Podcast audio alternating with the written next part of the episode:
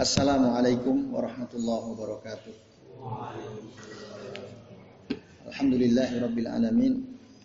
Wassalatu wassalamu ala asrafil anbiya'i wal mursalin wa ala alihi wa ashabihi wa man tabi'ahum bi isanin ila yaumiddin. Asyhadu an la ilaha illallah wahdahu la syarikalah wa asyhadu anna Muhammadan abduhu wa rasuluh. Allahumma salli wa sallim wa barik ala Muhammad wa ala ali Muhammad kama sallaita wa barakta ala Ibrahim wa ala ali Ibrahim fil alamin innaka Hamidum Majid amma ba'du.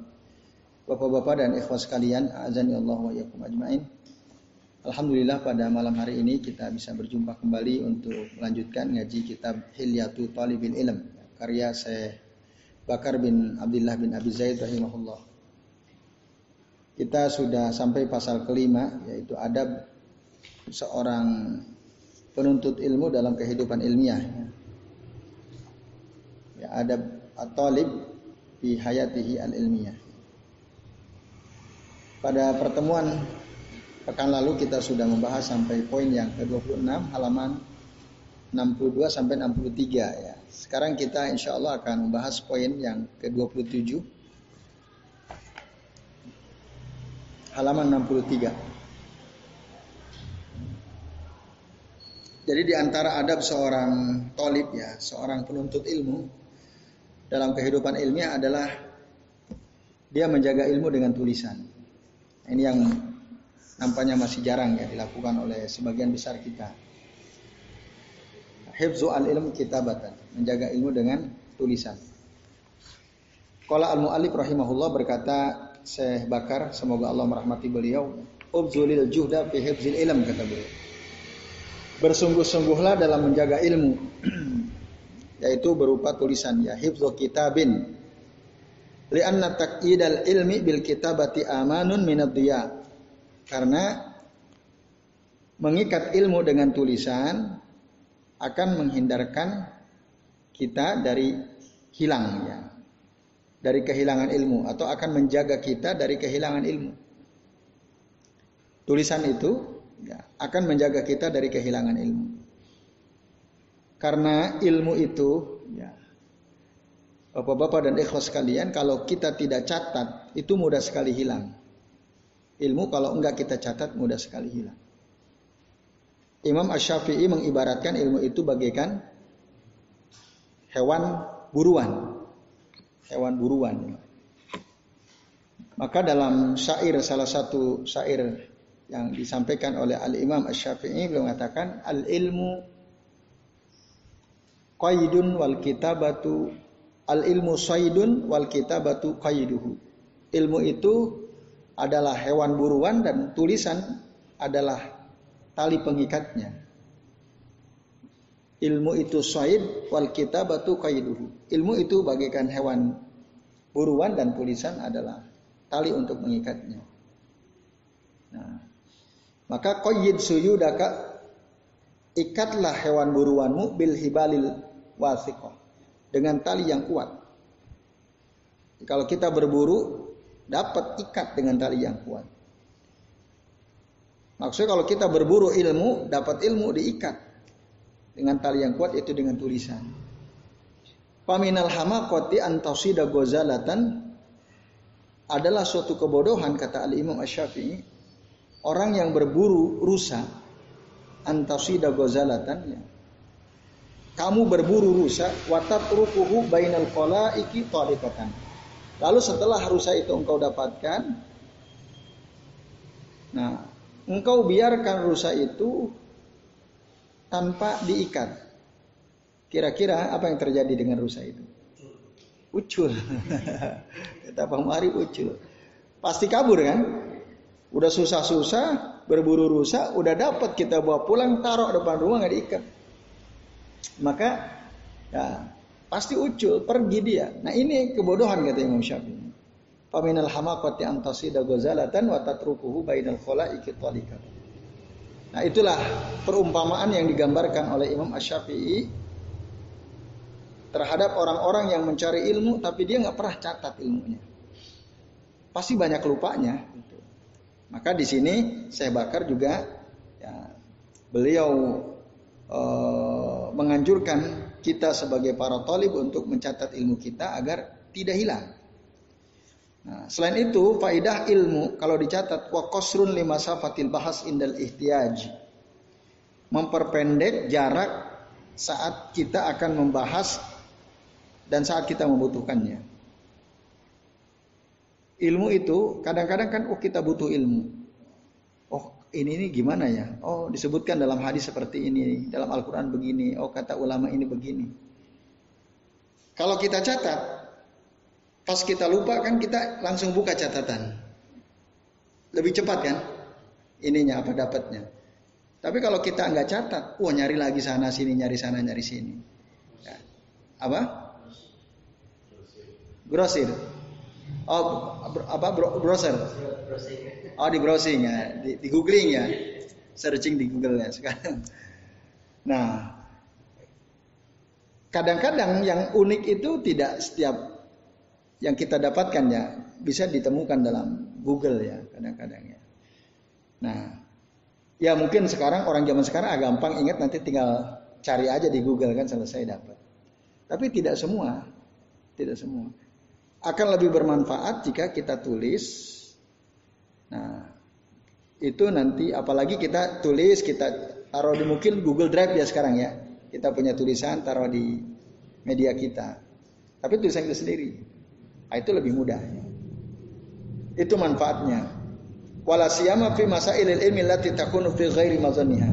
Terutama dalam masalah-masalah ilmiah yang tak terduga gitu.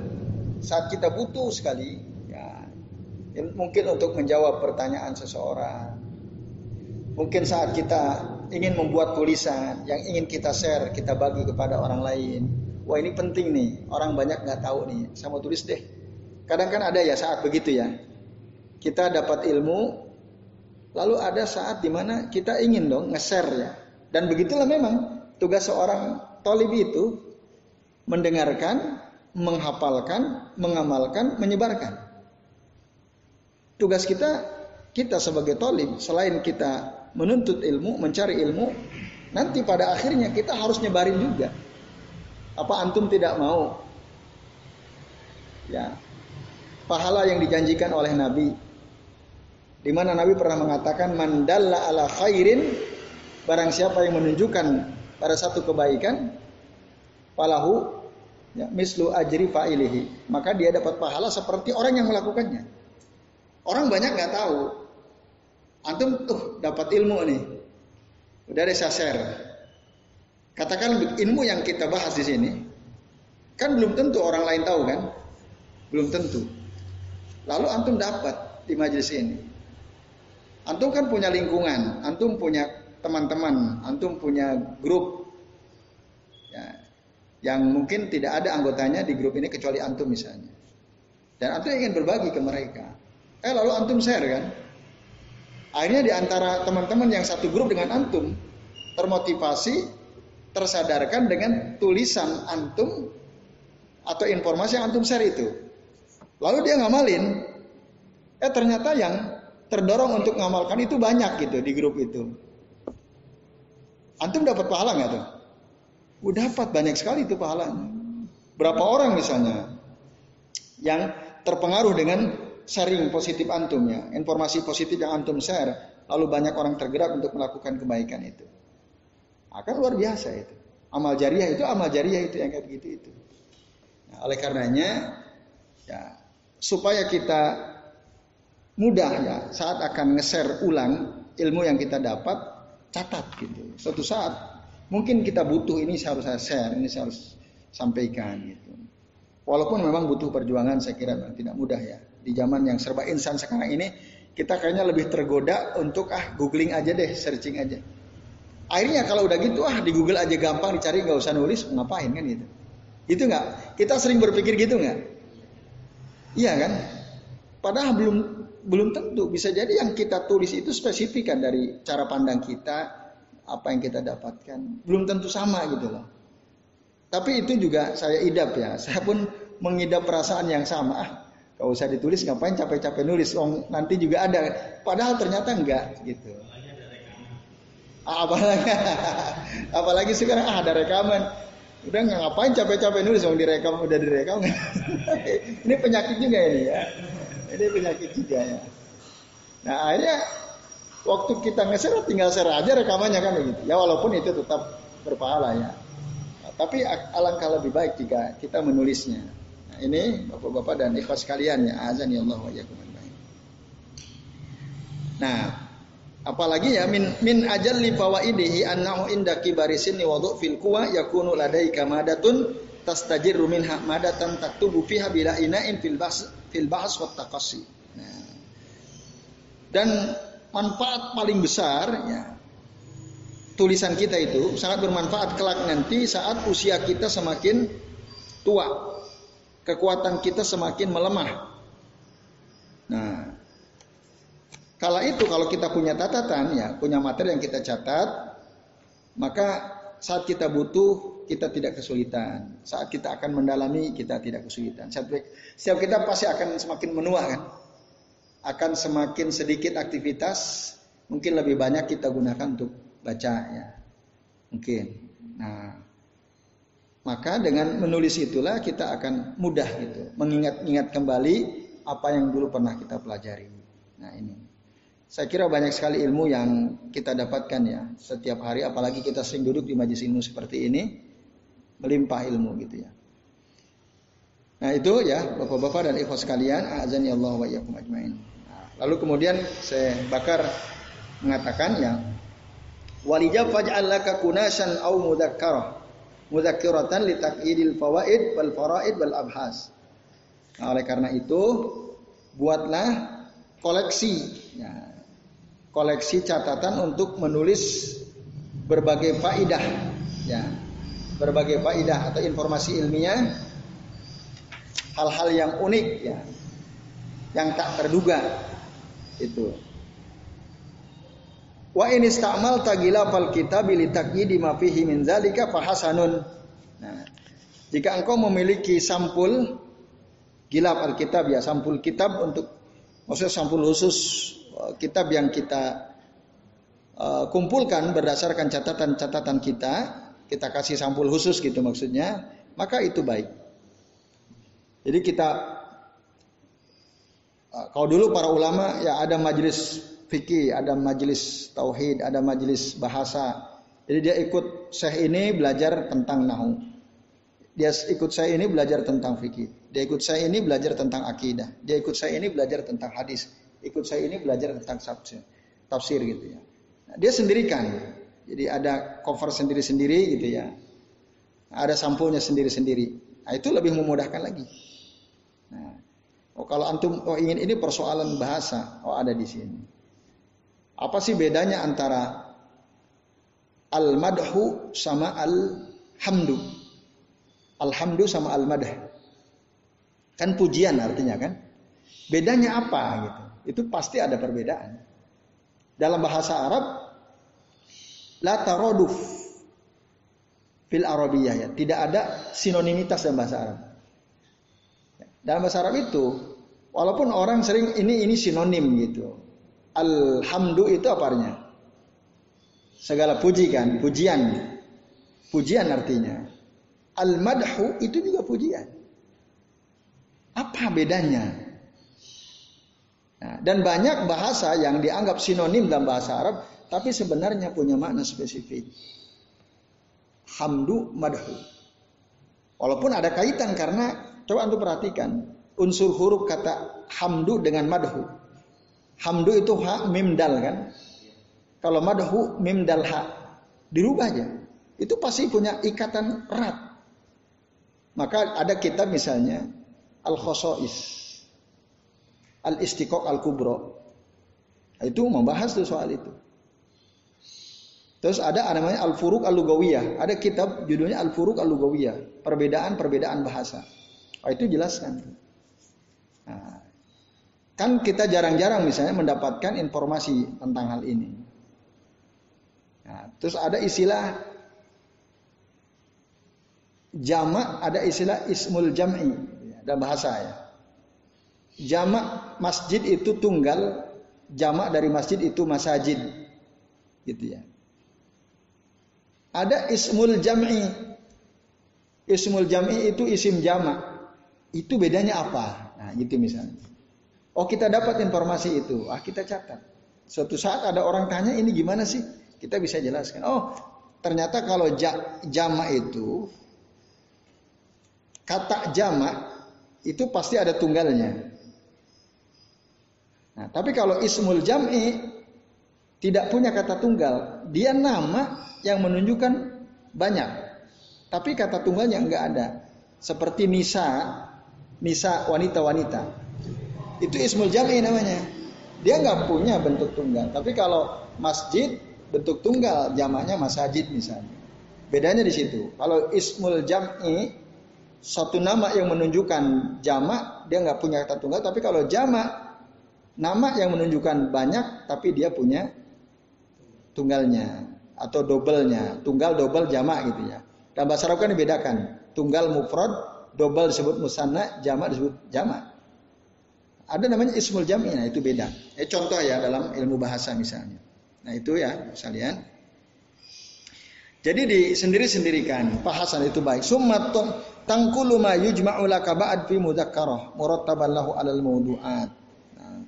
Kemudian kamu nukil Ya, apa yang sudah kamu kumpulkan itu tadi nanti dalam suatu catatan ya. Kandungan catatan. Murattaban lahu alal mawdu'at disusun secara tertib sesuai dengan tema-tema muqayyadan ra'sal mas'alati wasmal kitab. Jadi e, berdasarkan tema-tema nah, kemudian kamu ikat itu, kamu kumpulkan berdasarkan tema-tema pokok, wasmal kitab dan nama kitab. Nah, itu atau judul buku. Jadi kalau maksud gini, kalau kita baca kita dapat informasi penting. Kita baca di kitab apa? Ismal kitab, judul kitab yang kita baca apa? Warok musofah, itu halaman berapa, wal mujallad jilid ke berapa. Antum akan merasakan kalau antum punya banyak waktu untuk membaca ya.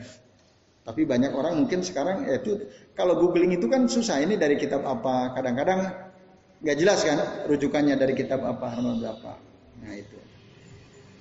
Tapi kalau kita baca kitab kan jelas. Oh saya baca di kitab ini karya ini jilid sekian halaman sekian. Nah itu namanya amanah ilmiah ya, pertanggungjawaban ilmiah. Itu antum tulis, oh saya baca ini di kitab ini halaman sekian, kitab ini karya Kiai Saifulan misalnya. Nah, summaktub ala tahu nukila. Kemudian kamu tulis bahwa ini dinukil dari Syekh Fulan dalam kitab ini halaman sekian. Hatta la tahtalit la tahtalitu bima lam yungkol. Sehingga tidak bercampur gitu antara nukilan dengan yang bukan nukilan gitu. kan kita kadang-kadang punya pandangan setelah kita baca oh kesimpulan saya begini-begini. Nah itu kan nanti berbeda. Oh kalau ini kita nukil dari ulama fulan kitab dari kitab ini.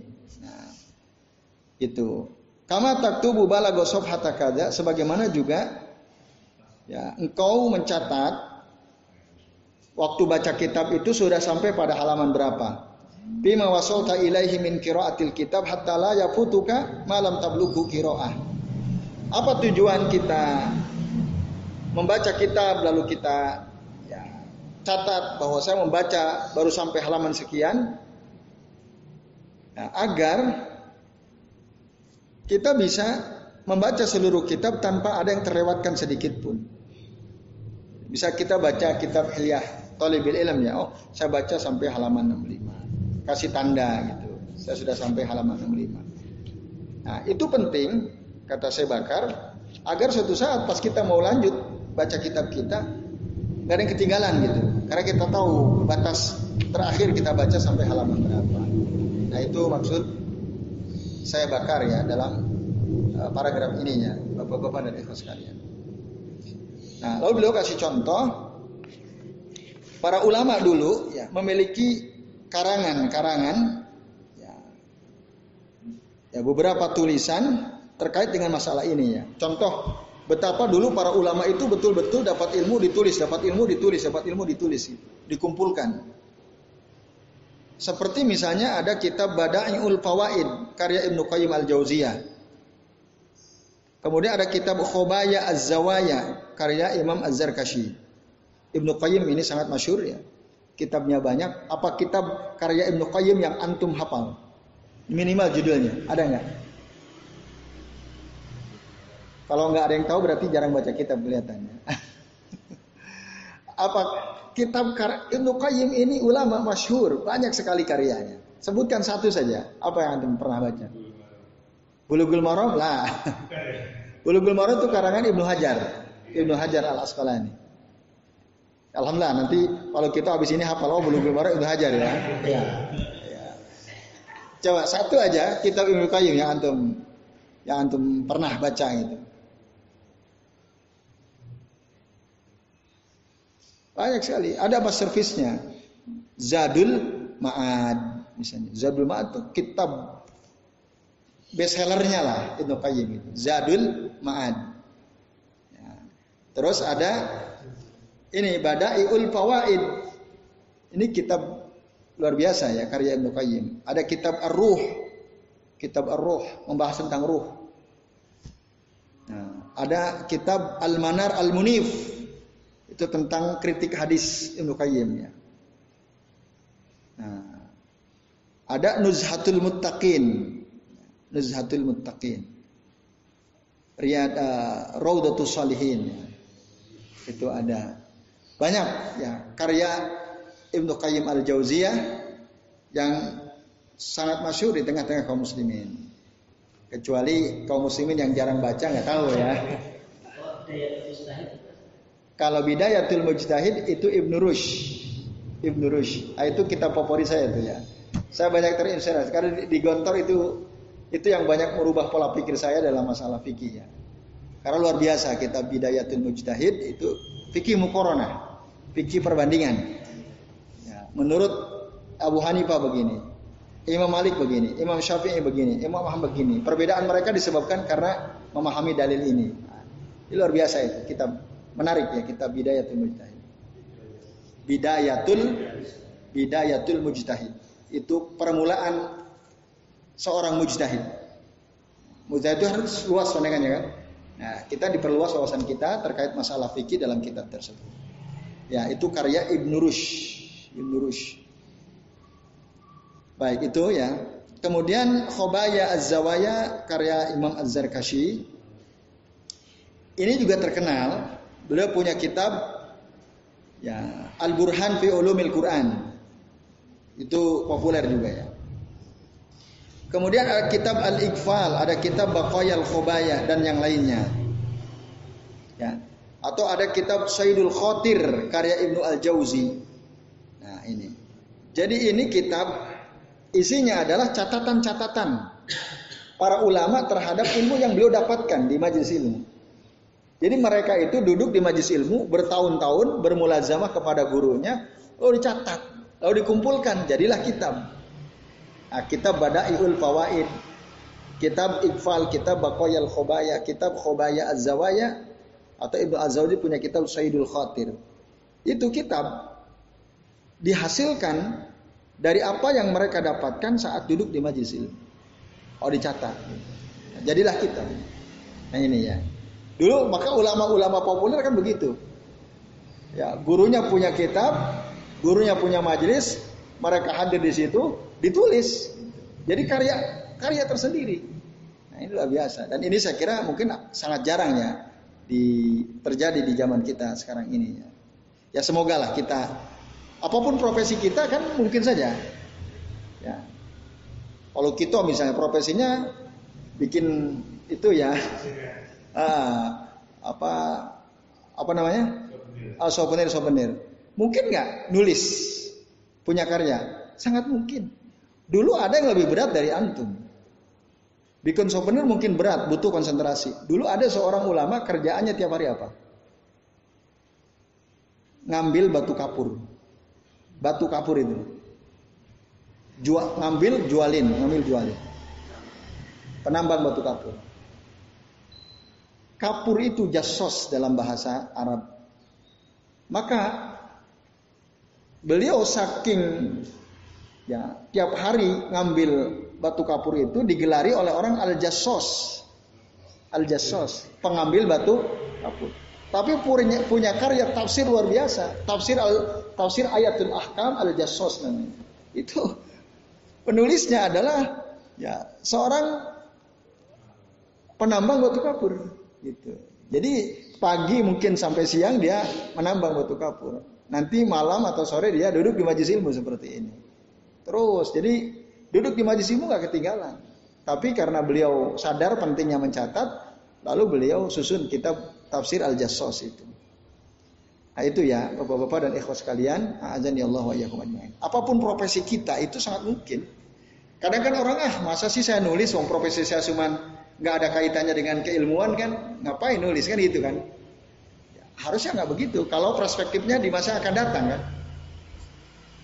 Kan betapa indahnya nanti orang banyak mengambil manfaat dari tulisan kita kan.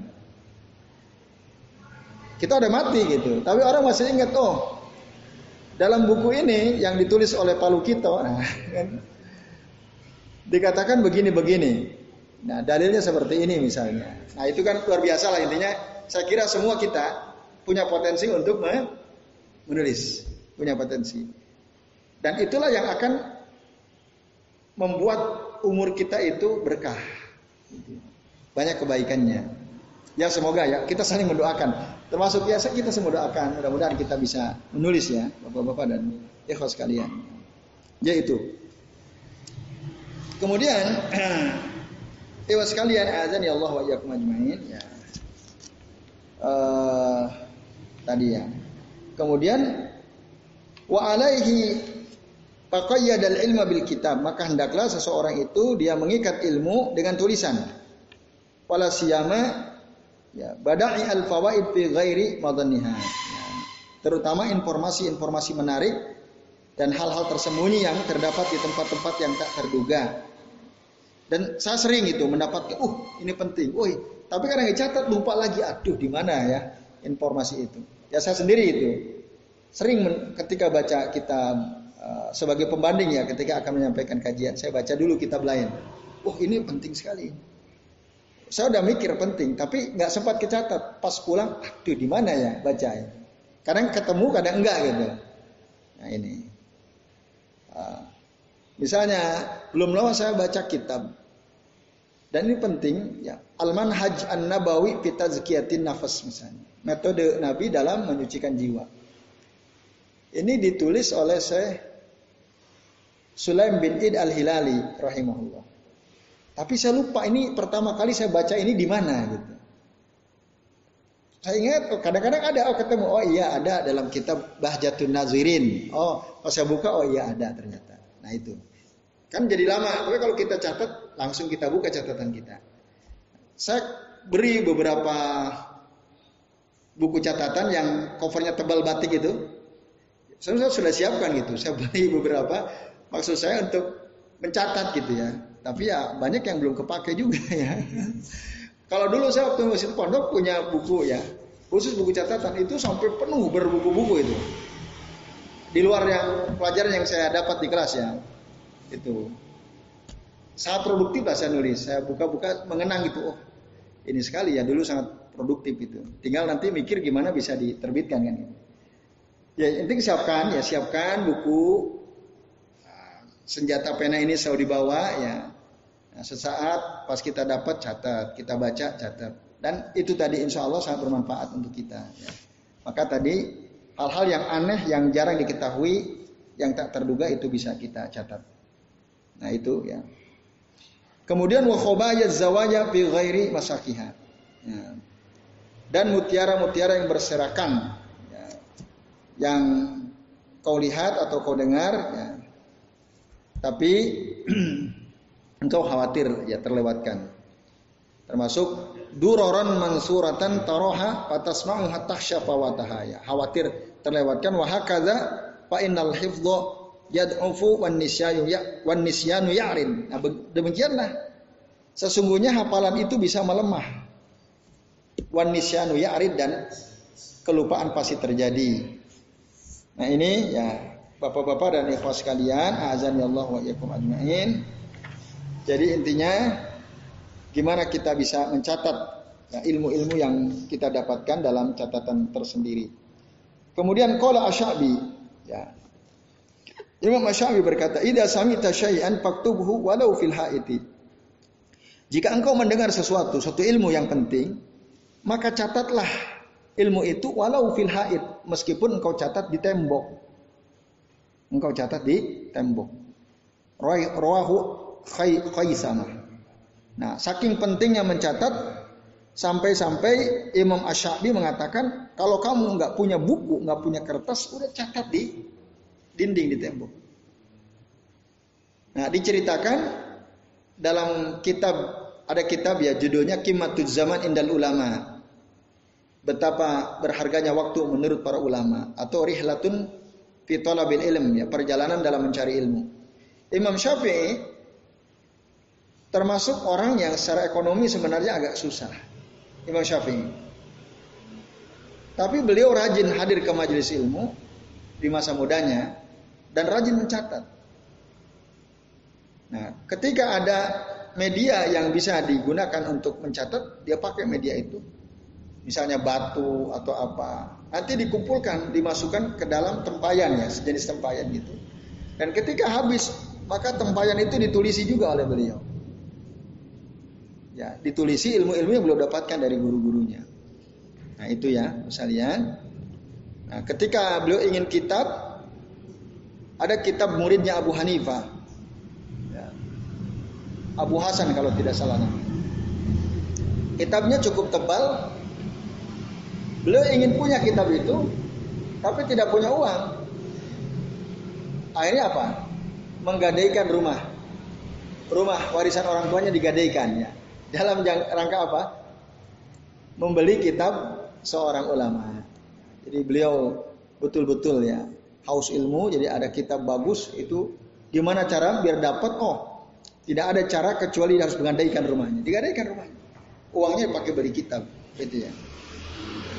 Nah ini bapak-bapak dan adik sekalian. Kemudian wa ijtaba ala daika masyaallahu ayyajtami'a arattabahu fi tadhkiratin aw kunnasin al mawdu'at fa innahu yus'if yus'ifuka fi adyakil awqati lati qad ya'jazu anil idraki fiha kibarul asbat. Nah, ini pentingnya. Jadi kata saya bakar, ya, bapak-bapak dan ikhwas sekalian, jadi ketika kita sudah bisa menghimpun di tangan kita ya kita udah menghimpun tulisan-tulisan yang kita dapatkan gitu ya. Uh, Masya Allah sesuai kehendak Allah ayat jami'ah sehingga terkumpullah tulisan itu maka paratibhu fi tazkiratin maka kumpulkanlah dalam buku catatan ya, atau ya di sini kalau diterjemahkan terbitkanlah dalam buku catatan atau himpunan tema-tema itu Fa innahu yus'ifuka fi adyakil awqat. Karena sesungguhnya perbuatan itu bisa membantu menemukannya di waktu yang singkat. Ya, fi adyakil awqat. Allati qad ya'jazu anil idraki fi hakibarul asbat. Ya. Yang bisa jadi para ulama besar yang kuat hafalannya pun tidak mengetahuinya. Itu. Karena memang ilmu itu luas. Fauqa kulli ilmin alim kan begitu Al-Qur'an Allah mengatakan. Di atas orang berilmu itu ada orang berilmu. Apakah orang ulama besar yang kita kenal beliau tahu semua ilmu? Belum tentu, itu belum tentu. Nah, di situlah kita penting mencatatnya. Yang bisa jadi catatan kita itu belum diketahui oleh ulama-ulama besar. Nah ini bapak-bapak dan ikhwas sekalian, azan ya Allah wa ajmain. Ya, Cukup ini ya. Ya, saya kira ini ini udah jam 10 lewat 13 nih ya. Nah, jadi kita cukupkan dulu sampai di sini, ikhwan bapak-bapak dan ikhwan sekalian ya. Jadi poin penting dari apa yang kita bahas ini adalah mencatat gitu ya. Ilmu itu di dicatat. Masih ingat ya bapak-bapak dan ikhwan sekalian? Bagaimana Imam Syafi'i mengumpamakan ilmu? Apa beliau bilang? ilmu itu bagaikan binatang buruan. Terus ah, yang harus diikat dengan tali yang kuat. Terus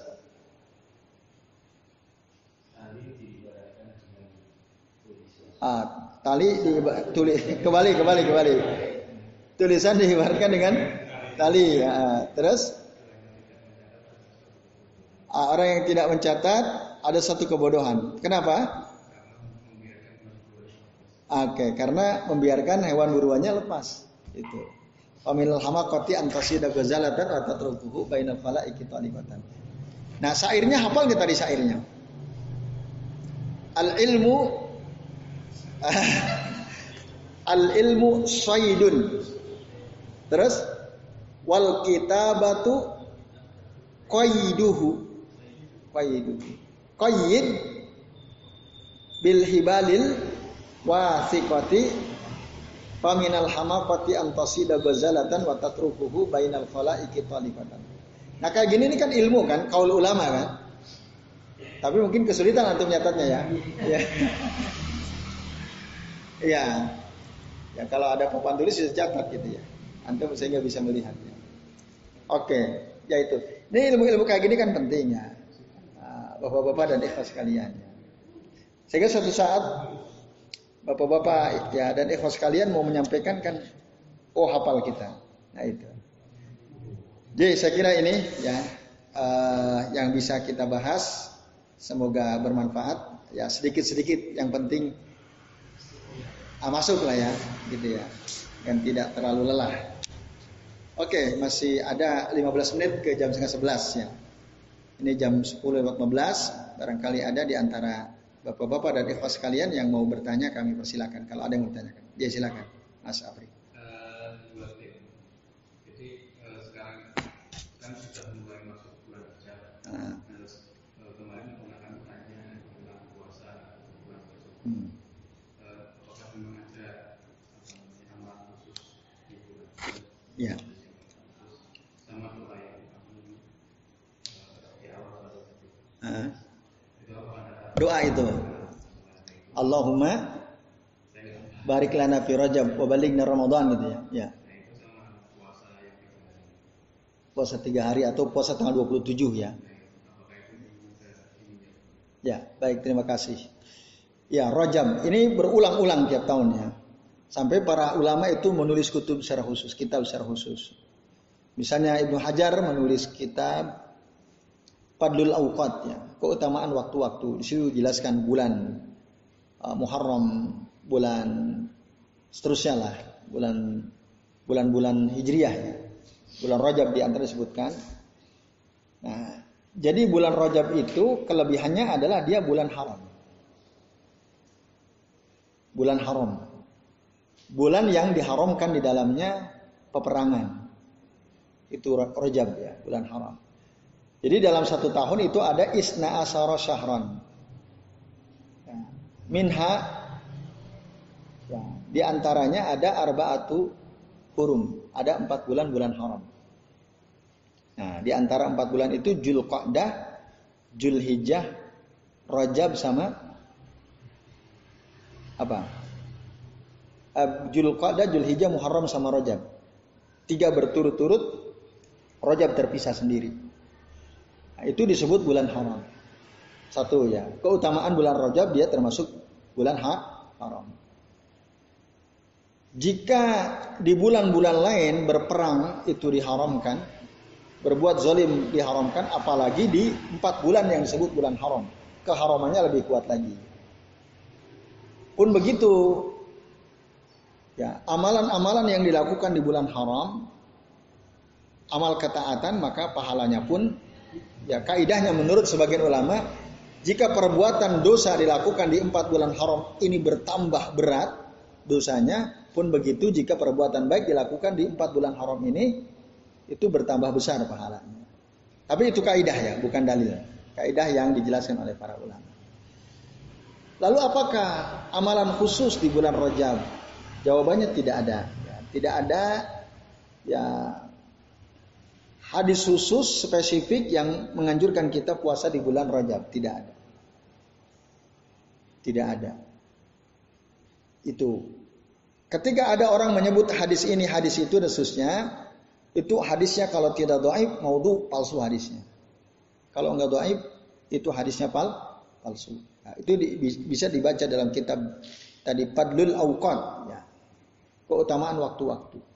Atau berdasarkan penjelasan para ulama. Bahkan ya orang seperti Ibnu Hajar saya mengatakan nggak ada satupun hadis sahih yang menjelaskan kekhususan ibadah puasa di bulan Rajab. Puasa apa pun itu. Tapi bolehkah kita puasa? Boleh. Tapi namanya puasa mutlak. Bukan karena bulan Rajabnya. Nah, sebagaimana kita juga boleh puasa di bulan Julqa'dah, di bulan Julhijjah, di bulan Haram, Haram. Ya. Itu. Jadi sama. Tapi secara khusus, kalau barang siapa yang puasa di bulan Rajab tiga hari akan begini begitu lah itu. Baik atau mau Ya tiga tahun itu ya. Nah, lah. Itu doaib. Kalau enggak doaib ya mau hadis. Pun ada namanya sholat rogoib katanya. Sholat rogoib. Itu juga pahalanya sekian-sekian. Itu mau Diyakini bulan Rajab itu bulan di mana Rasul di Isra dan di Mi'rajkan. Tanggal 27 Rajab katanya. Maka ada peringat Isra, Isra Mi'raj. Tanggal 27 Rajab. Nah, lalu ada yang disebut dengan tadi sholat rogoib. Ada puasa tanggal 27 Rajab. Dengan keutamaan begini begitu. Nah, itu semua kalau enggak doaib ya mau tuh palsu hadisnya. Nah itu. Jadi enggak ada amalan khusus yang dianjurkan dilakukan khusus ya khusus di bulan Rajab. Tapi kalau kita mau puasa tiga hari, puasa Senin Kamis ya silahkan. Nah, sholat ya seperti biasa. Jadi nggak boleh mentaksis saya akan sholat tahajud khusus bulan Rajab. Nah, itu nggak boleh.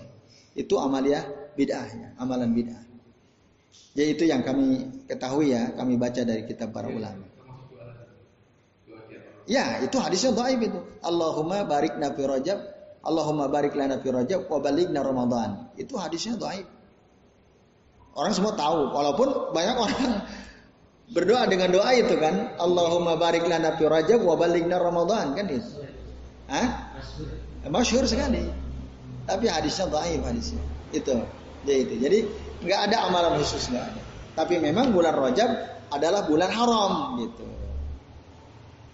Apabila kita beramal soleh maka ya baik sekali. Karena ini bulan haram. Itu ya. Jadi kalau kita mau puasa ya puasa mutlak atau puasa kemis biasa, puasa Senin biasa, puasa tiga hari tiap bulan biasa. Jangan dianggap ini puasa rojab jangan. Itu. Jadi itu yang kami ketahui itu Allah a'lam Ini sebenarnya persoalan yang terjadi berulang-ulang ya. Ya, terjadi berulang-ulang. Apa? Oh lupa ya. Nah, nah itu lebih lebih parah lagi itu. Itu ciri-ciri hoax tuh ya. Ya, itu. Ya. Banyaknya update status dari orang-orang tidak menunjukkan kebenaran ya. informasi tersebut. Ya. Oke, jangan berhenti di kamu. Oke itu. Ya itu yang kami ketahui ya Mas Apri. Ya kalau antum searching tulisan di Google ya akan pro kontra pasti ketemu ya. Ada yang macam-macam. Tapi kalau telusuri semua tulisan terutama yang apa menganggap ada amalan-amal khusus itu lemah semua dalilnya. Ada emang begini begini dalilnya ini, ini begini dalilnya ini. Coba telusuri hadis apa itu. Ya. Dan saya kira sudah ada ya beberapa ulama menulis terkait dengan dalam bahasa Indonesia ya. Antum bisa searching itu. Ya, itu. Tapi tadi kalau ingin baca kitab ada kitab Padlul Awqat ya, karya Ibnu Hajar itu bagus sekali. Padlul Awqat itu keutamaan waktu-waktu. Di kitab itu dibahas tentang bulan-bulan Hijriyah, keutamanya apa, dalilnya apa, terus derajat hadisnya bagaimana. Itu disebutkan oleh si penulisnya. Wallahu a'lam yaitu Mas Apri yang bisa kami jawab. Ya, monggo. Kalau misalkan kita info ya hmm. sini, kemudian kita juga mengamalkan setelah tapi kita sudah share atau kadang saya dikasih kemudian ya belum saja ada pertemuan dengan keluarga hmm. sering saya menyampaikan uh, uh, diminta untuk kultum ya, hmm. Hmm.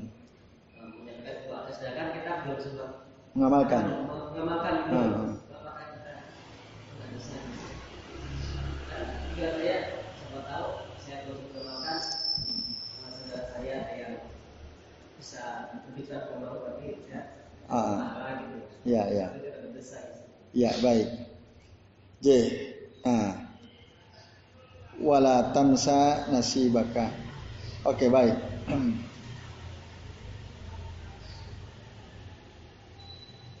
ah, ada dalam Al-Quran itu ayatnya. Uh,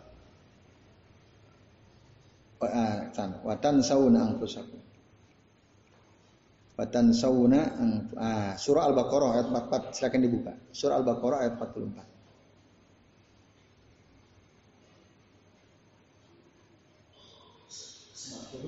Empat puluh empat surah Al-Baqarah.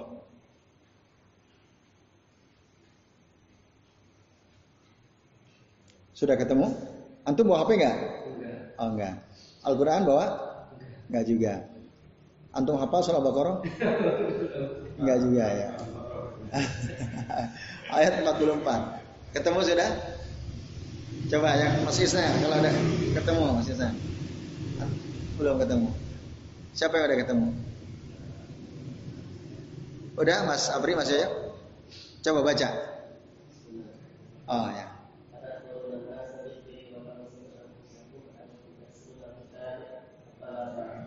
Oke baik, artinya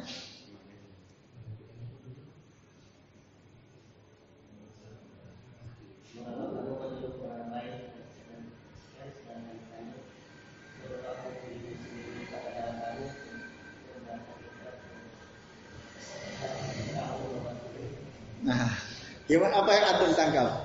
Ya. Apa atamuruna nasa bil birri? Apakah kamu menyuruh orang lain untuk berbuat kebajikan? Watan sauna angkusakum. Tapi kamu sendiri, kalian sendiri lupa pada diri kalian. Ya.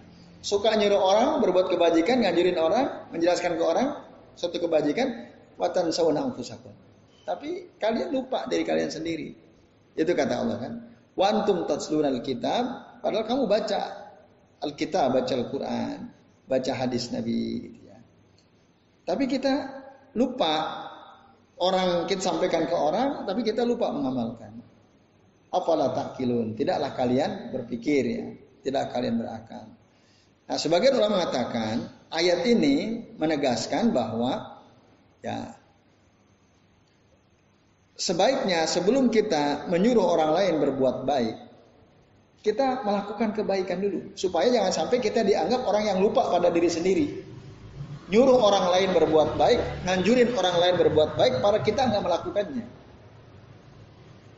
Nah, ini bisa masuk kategori melupakan diri sendiri ya. Kita sampaikan kebaikan pada orang, amal kebajikan kepada orang sementara kita tidak melakukannya. Berarti kita lupa pada diri sendiri. Gitu. Nah, itu adalah sesuatu yang kurang baik. Yang baik itu ya kita amalkan baru kita sampaikan. Gitu. Ada yang berpendapat seperti itu. Tapi ada juga yang mengatakan menyampaikan kebaikan ya supaya orang berbuat kebajikan itu suatu kewajiban bagi setiap muslim. Ya. Soal apakah dia sudah melakukan apa belum itu urusan dia. Tapi dia harus menyampaikan kebajikan itu. Jadi jangan sampai gara-gara dia tidak mengamalkan lalu dia nggak mau menyampaikan kebaikan sama orang. Jangan sampai begitu gitu. Ya, tetap sampaikan kebaikan itu kepada orang lain ya. Walaupun kita sendiri belum mengamalkannya. Jadi yang dosa itu bukan menyampaikan kebaikan sama orang. Yang dosa itu karena kita melupakan diri kita sendirinya itu, itu yang yang dosa. Itu yang ditegur oleh Allah berdasarkan surah Al-Baqarah ayat 44 ini. Antum bagus menyampaikan kebajikan kepada orang. Tapi sekaligus antum juga jelek kalau antum tidak mengamalkannya gitu. Tapi kalau antum ah saya sampaikan dulu, mudah-mudahan dengan demikian saya terdorong untuk mengamalkan, ya itu bagus. Kadang-kadang kan begitu ya kita nyampaikan, oh ya saya sendiri kok belum gitu, ah udah deh saya amalin juga. Nah, maka gitu. Artinya jangan sampai kita tidak menyampaikan kebaikan yang sudah kita tahu kepada orang gara-gara kita belum mengamal, gara-gara kita belum mengamalkan. Gak ada masalah. Asal kita punya niat untuk juga mengamalkannya. Itu.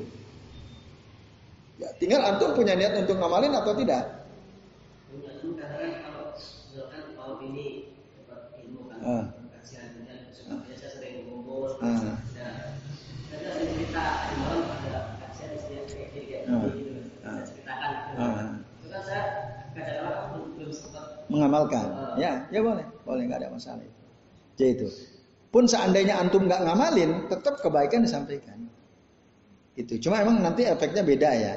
Orang kalau menyampaikan sesuatu yang baik dan dia sendiri mengamalkan, orang akan lebih oh ya, ah, ah beda beda gitu. Tapi tetap jangan apa gara-gara kita belum ngamalin lalu kita nggak mau menyampaikan kebaikan. Tetap sampaikan kebaikan. Sebagai uh, sebagai bentuk mengaplikasikan surah Al-Asr itu. Watawa saubil hak watawa saubi sobat. Yaitu. Allah alam Oke, ini jam setengah sebelas pas ya.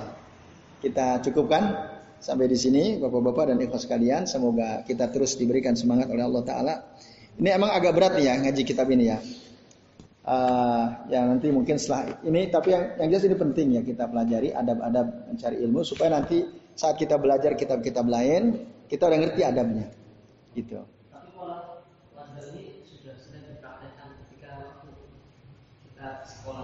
ah. ah. ah.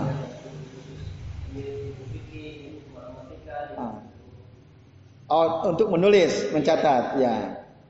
Ah, ah tapi setelah kita selesai sekolah, ya, ah, nah, nggak maksud pas gini ini. Kan kita kalau waktu sekolah belajar, antum merasakan ada bedanya nggak? Belajar ketika antum sekolah dengan belajar saat seperti ini, ada bedanya nggak? Mas Marif ada, antum merasa ada bedanya tidak? Ya pak, berbeda. Kalau sekolah kan kita ngejar nilai ya, ya nggak? uh, terpaksa ngejar nilai. Kalau ini kan antum nggak hadir nggak hadir nggak ada konsekuensi apa-apa kan. Bukan nilai yang antum aja yang antum ini. Ah butuh antum karena butuh gitu. Itu lain gitu. Nah ini harusnya yang karena butuh ini ya kita harus punya catatan catatan penting itu tadi. Ya itu. Ya Allah taala.